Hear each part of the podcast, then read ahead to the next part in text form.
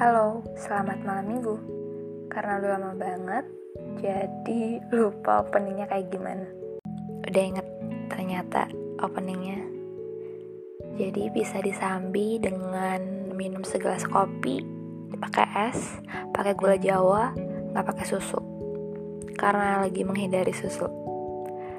Terus, oh jangan lupa Sedia payung Karena lagi hujan. Sama jas hujan sama sendal. Sendal jepit.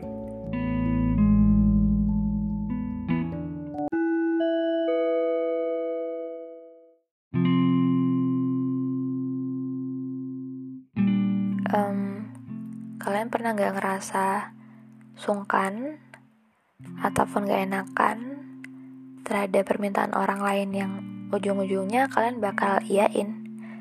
Um, bahkan terhadap sesuatu yang kalian tahu kalian nggak bisa nyanggupin. Atau kalian pernah nggak ngerasa terlalu banyak ngasih energi sama orang lain. Atau paling buruk sih hmm, ngerasa dikontrol atau dimanfaatkan oleh orang lain. Bisa aja itu karena kalian nggak bisa netapin personal boundaries kalian kita obrolin soal boundaries.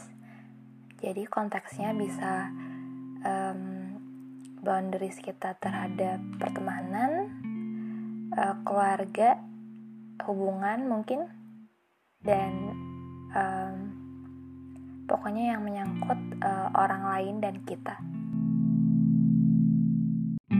Boundaries, boundaries itu adalah batasan um, terhadap hal-hal ataupun perilaku orang lain yang bisa kita toleransi ataupun tidak. Begitu juga sebaliknya. Jadi, uh, sejauh mana kita bisa bertindak terhadap orang lain yang itu masih membuat diri kita nyaman.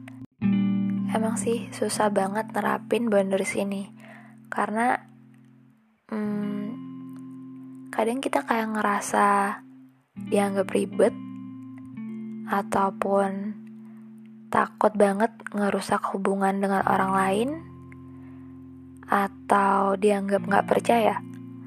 Padahal dengan kita mengkomunikasikan boundaries kita kita juga bisa tahu dan bisa saling terbuka sejauh mana batasan satu sama lain. Sejauh mana kamu bisa bikin saya nyaman dan sejauh mana saya bisa bikin kamu nyaman.